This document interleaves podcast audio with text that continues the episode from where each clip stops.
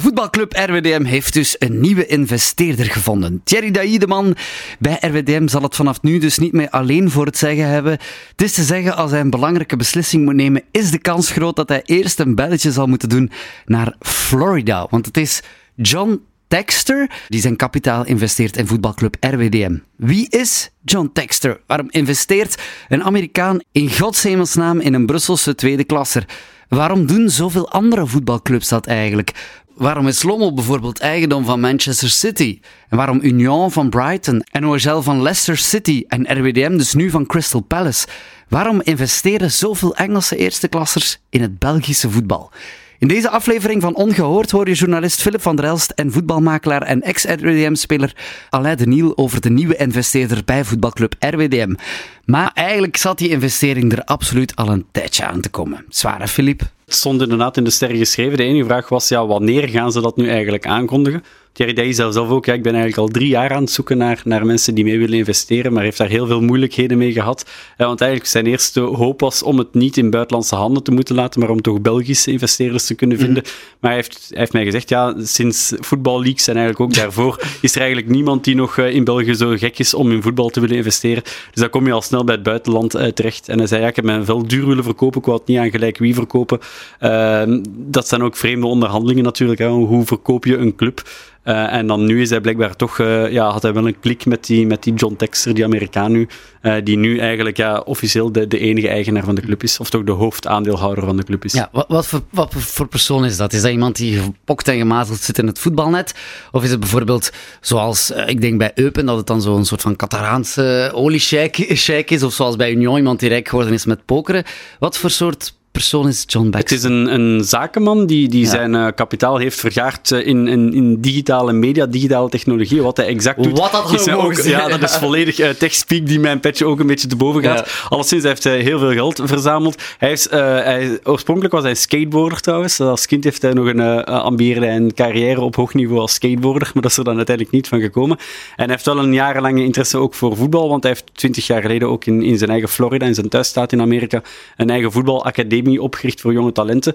Maar het is eigenlijk pas heel recent dat hij echt in het voetbal actief is beginnen worden, toch als investeerder omdat hij dan nog maar vorig jaar, de zomer van vorig jaar, uh, investeerder werd. Een van de vier eigenaren bij het Engelse Crystal Palace. Die speelt op het hoogste niveau in Engeland.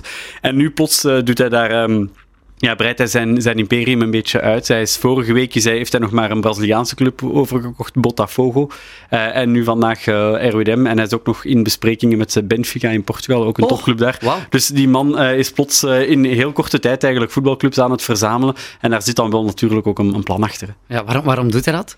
De, naar, ja, naar eigen zeggen, ja, de, de marketingpraat erachter is dat hij gelooft in de gemeenschappen die achter die club zitten en dat hij die mee wil, uh, wil ondersteunen. Er zit natuurlijk voor hem ook wel een plan achter en dat is vooral dat hij talenten van over de hele wereld die nu nog niet zo goed ontdekt worden, meer naar boven wil laten komen. Bijvoorbeeld talenten uit zijn eigen Amerika die nu nog niet echt ontdekt worden, ja. die ontdekken en dan een kans geven in een van de vier in clubs. Benfica, bij RWD Ja, bijvoorbeeld afhankelijk van het niveau. Alles, ja. En hetzelfde ja, als Botafogo een goede speler, een goede jeugdspelers heeft die in aanmerking komen om in, in Europa te gaan voetballen. En vaak hebben Braziliaanse ja. voetballers daar ook wel ambitie voor. Dan kunnen die in Crystal Palace of misschien op lager niveau in RWDM terecht. En zeker ook omdat in Engeland uh, is het niet zo gemakkelijk om buitenlandse voetballers meteen, uh, uh, in de, ja, ja, meteen aan te werven. daar komt nogal wat regels bij kijken.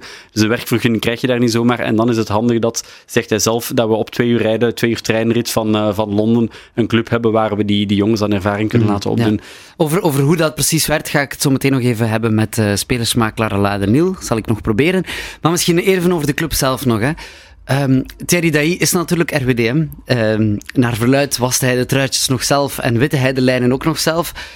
Wat gaat zijn rol worden nu binnen die club? Blijft hij doen wat hij, wat hij doet of gaat dat toch veranderen? Of wat zegt hij, hij daar zelf over? Hij is nu voorzitter en dat blijft hij nog altijd. Dus hij, op, op papier verandert er eigenlijk niets meer voor hem. Maar hij is natuurlijk niet meer de enige die het voor het zeggen heeft in de club. Integendeel. En dat zal een beetje moeilijk worden misschien. Dat zal moeilijk worden, want hij is dat wel gewend als een beetje een self-made man. Er is wel een raad van bestuur en hij zegt, ja, ik bespreek alles met mijn bestuursleden. Ja. Maar in de praktijk is het wel zo ja, dat Thierry Dailly uh, verdeelt en heerst en Thierry Dailly beslist. En dat zal nu natuurlijk niet meer zo zijn, want... Uh, ja, hij voor... is Hij, heeft mij wel op het hart gedrukt dat hij niet voor elke beslissing een telefoontje naar, naar Florida moet plegen. Um, dus dat hij wel een beetje de vrijheid krijgt om de club te runnen zoals hij dat doet. Maar als het gaat om de grote investering, ja, dan is het natuurlijk wel John Texter die vanuit Florida um, de, de lijnen zal uitzetten. En daar zal Thierry Dailly een beetje naar, naar moeten, moeten volgen.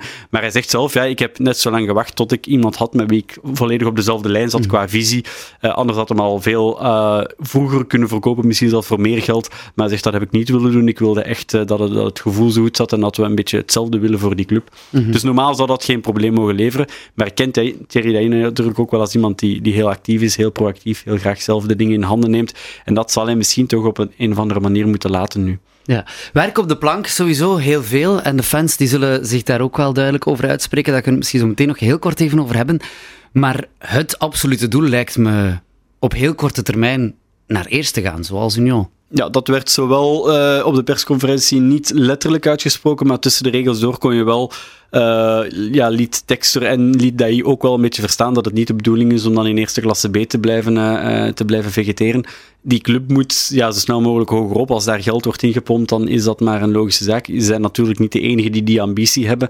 Uh, maar dan hangt het er natuurlijk vanaf. Ja, stel dat Crystal Palace morgen een speler of twee gaat uitlenen aan RWDM ja, kan dat natuurlijk wel voor een kwaliteitsverhoging mhm. ehm, zorgen, maar dat is een beetje, ja, dat heb je niet altijd in de hand in het voetbal. Zeg Filip, van de fans weten we dat ze zich nogal graag uitspreken over RWDM, de Facebookpagina's, daar, daar wordt op duchtig gereageerd. Wat zijn de eerste reacties die je hebt gehoord op dit nieuws? Want die waren altijd apen trots dat ze in vergelijking met Union een club waren die wel nog in Belgische handen was. Ja, het is, het is heel dubbel natuurlijk. Hè, want iedereen beseft wel dat ja, ze willen ook wel allemaal terug naar 1A. Maar ze, er is nauwelijks budget om in 1B rond te komen. Laat staan ja, om te kunnen zeggen... de kleinste budgetten ook in 1B, dacht ja, ik. Ja, uh, een van ja, het kleinste of het op 1A kleinste. Ja. Alleszins, hè, er is heel weinig geld om mee te werken. Ze staan op een derde plek, wat eigenlijk heel mooi is, gezien de middelen die ze hebben. Maar als je echt ja, voor meer wilt gaan, en eigenlijk moet je dat wel doen, omdat je, ja, je kan daar in 1B ook niet blijven overleven. Dus zou de keuze ofwel zijn, je gaat terug in amateurklasse voetballen, of je, gaat, je wilt de stap zetten naar 1A, en dan is er extra geld nodig. Tegelijkertijd is iedereen er zeer, uh, ja, dat, dat die verhalen over spelers te gaan wisselen en zo'n netwerk van spelers op te zetten, daar is iedereen nogal, nogal een beetje sceptisch tegenover, ja. omdat dat, ja, dan, dan ben je eigenlijk gewoon een pion in het schaakbord van, van een Amerikaan Amerikaanse zakenman, die, die ook tot voor een paar weken wellicht nog nooit van RWM had gehoord. Dus je weet ook nooit exact met wie dat je in zee gaat. Maar ik denk wel dat de meesten wel het, het voordeel van de twijfel zullen geven, omdat er gewoon niet veel anders ja. op zat voor die club, denk ik. Ja, ook, je hebt het eigenlijk al aangehaald. Op sportief niveau doet RWDM het absoluut niet slecht. Hè. De voorbije weken een aantal heel goede wedstrijden gespeeld, heel veel punten gesprokkeld, uh, belangrijke punten. Zeer benieuwd naar wat de rest nog brengt, maar het zal waarschijnlijk nog niet meteen met een speler van Crystal Palace zijn. Hè? Ja, er, er, er, ze wouden er geen termijn op plakken nee. wanneer ze exact voor versterkingen zouden gaan of wanneer ze dit nu zichtbaar ja. zou zijn, maar het zou wel kunnen dat er misschien nog deze transferperiode nog een, een, uh, een verrassing uit de, de bus komt. Uh, daar, daar waren ze helemaal niet duidelijk over. Ik denk dat het eerder naar volgend jaar toe zal zijn dat ze dan echt wel zullen gaan willen uitpakken met, uh, met echt promotieambities. Maar ik denk dat ze het dit jaar nog zouden kunnen. Als de mogelijkheid er is, zullen ze het zeker niet laten schieten. De competitie herneemt geloof ik volgende week hè, in uh, 1B. Klopt. Ja. ja. dan spelen ze thuis tegen Lommel, denk ik. Ja. Voilà. Maar het is dus ook misschien eens interessant om te kijken waarom zoveel buitenlandse clubs beslissen om te investeren in het Belgische voetbal. Je hoort hier over ex-RWDM-speler en ja, connoisseur toch wel van het Brusselse voetbal, Alain de Niel. Wel, uh, voor de Engelse clubs uh, is het. Uh, er zijn, er zijn twee, twee aspecten, kunnen we zeggen. Dus ze, ze, ze bouwen een luchtbrug op. Enerzijds om, om hun spelers die zij niet aan arbeidsvergunningen kunnen krijgen in Engeland, mm -hmm. om die ondertussen te kunnen stallen in, in een buitenlandse club.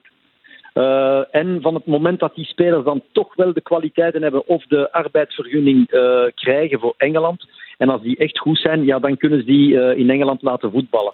Anders, anders kunnen die jongens nooit in Engeland voetballen. Ja. Dus dat is, dat is een, van de, een van de punten. Plus dan de luchtbrug die gebouwd wordt natuurlijk.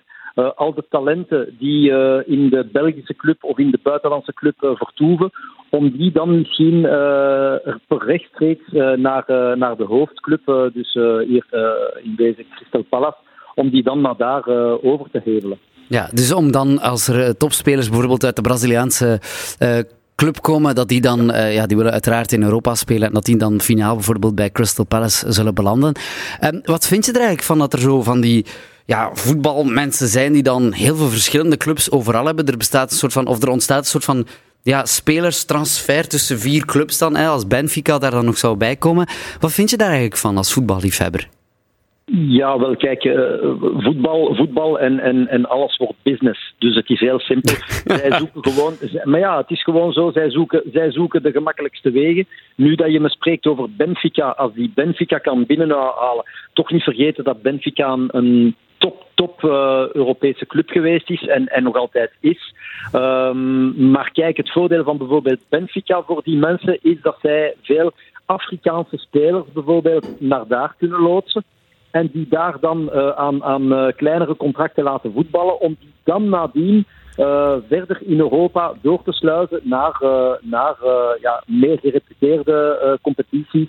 Frankrijk, Duitsland, Engeland en, enzovoort. Ja. Dus dat, dat proberen zij. Dus zeg, ja, en het is, dat, gewoon puur business. Ja, als ik het jou een beetje hoor zeggen, het is puur business, dan zou je kunnen zeggen, al die jonge talenten eerst een beetje laten wennen aan Europa en aan het voetbal bij RWDM, om ze dan naar Benfica bijvoorbeeld te sturen, wat nog steeds een topclub is in Portugal, ofwel naar Engeland, naar Crystal Palace. Maar zal RWDM daar dan geen slachtoffer van worden? Want dat is natuurlijk wat de fans in Brussel een beetje willen horen. Hè? Die willen, of willen weten, want die willen natuurlijk dat RWDM, als ze ooit, hopelijk heel snel, in eerste belanden, dat ze daar wel even blijven. Wel, uh, stel die vraag eens aan de supporters van Union op dit moment. Uh, of dat zij tevreden zijn met die overname door, uh, door de Engelse club of niet. Ik denk dat nu iedere Union-supporter ja, heel tevreden is met, met, het, met de gang van zaken. het is altijd hetzelfde verhaal. Als het, als het goed loopt, ja, dan is het een fantastisch verhaal.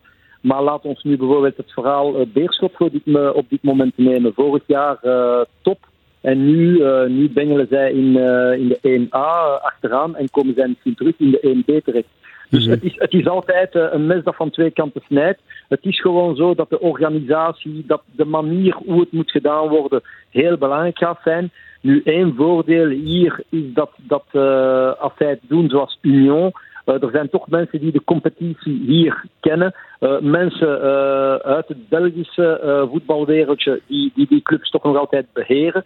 En zolang dat dat... Uh, ja, zolang het Thierry Dailly bijvoorbeeld aan boord blijft en zo, ja. als, die, als die Belgische kennis aan boord blijft, dan kan het een heel mooi verhaal worden. En zoals je zelf ook zegt, uh, met Union bijvoorbeeld, is het, is het ja, loopt het op dit moment goed.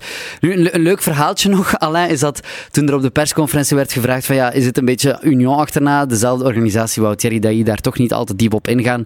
Dus hij wil uh, absoluut de vergelijking niet maken, maar er wordt natuurlijk gekeken naar hoe zij het organiseren, omdat uh, RWDM natuurlijk ook zo snel mogelijk in eerste wil uh, spelen. Wat trouwens ook nog leuk is om mee te geven, is dat de beide moederclubs van Union en RWDM, dat die ook in Engeland een gezonde of een hele grote rivaliteit hebben. Dus Crystal Palace en Brighton fans, Brighton is dus de club van Union en Crystal Palace is dan de club van RWDM, die kunnen ook niet door dezelfde deur. Dus dat, dat, dat maakt het alleen nog maar mooier. Allee.